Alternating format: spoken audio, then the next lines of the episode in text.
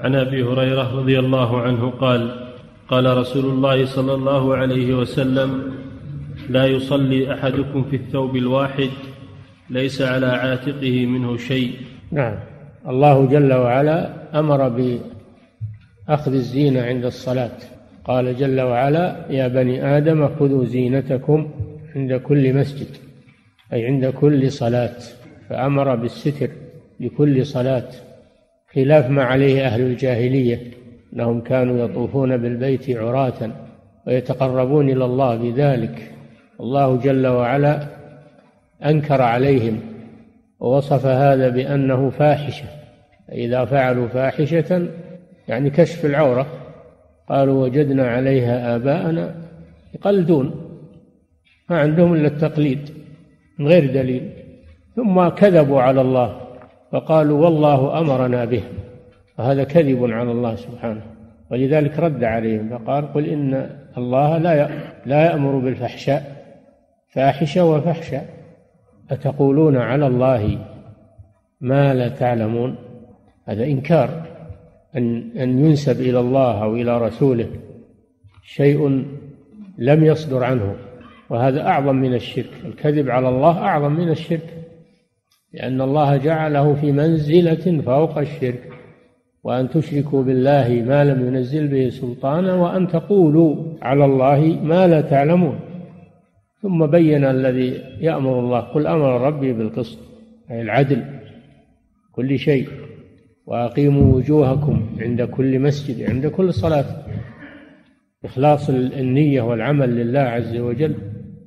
ثم قال يا بني آدم خذوا زينتكم عند كل مسجد عند كل مسجد يعني كل صلاة. والزينة أقلها ستر العورة ما بين السرة إلى الركبة بالنسبة للرجل والمرأة كلها عورة في الصلاة كلها عورة في الصلاة إلا وجهها إذا لم يكن عندها رجال أجانب فتكشف وجهها. وما عداه تستره كل والرجل الواجب عليه والشرط الذي لا بد منه مع الإمكان ستر ما بين السرة إلى الركبة. فإن صلى عريانا من غير عذر لم تصح صلاته. قال ابن عبد البر أجمعوا على أن من صلى عريانا وهو يقدر على ستر العورة لم تصح صلاته. أجمعوا على فساد صلاة من صلى عريانا وهو يقدر. وإذا لبس اللباس الكامل على جسمه وتزين للصلاة فهذا أفضل. أقل شيء ستر العورة ما بين السرة إلى الركبة. وإذا ستر جميع جسمه وتزين باللباس فهذا أفضل. ويدخل في قوله خذوا زينتكم الزينة تشمل ستر العورة وتشمل ما هو أكثر منها. في هذا الحديث أن النبي صلى الله عليه وسلم نهى أن يصلي الرجل بالثوب الواحد ليس على عاتقه منه شيء. الثوب الواحد يعني القطعة الواحدة عنده قطعة واحدة. وهذا فيه تفصيل إن كانت القطعة واسعة فإنه يشتمل بها ويجعل منها على كتفه على عاتقه يعني كتفه يجعل منها على كتفه من أجل أن تثبت ولا تسقط إذا كانت القطعة واسعة. قال صلى الله عليه وسلم إذا كان الثوب واسعا فالتحف به وإن كان ضيقا فاتزر به.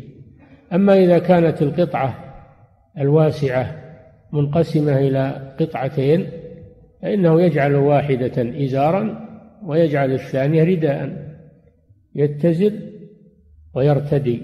فالثوب الواسع إن كان قطعة واحدة فإنه يلتحف به ويجعل منه على كتفه.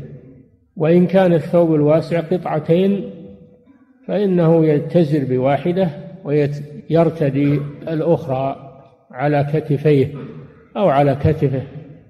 أما إذا لم يكن عنده إلا قطعة صغيرة فإنه يتزر بها وإن كان ضيقا فاتزر به ولو بقي أعلى جسمه مكشوفا.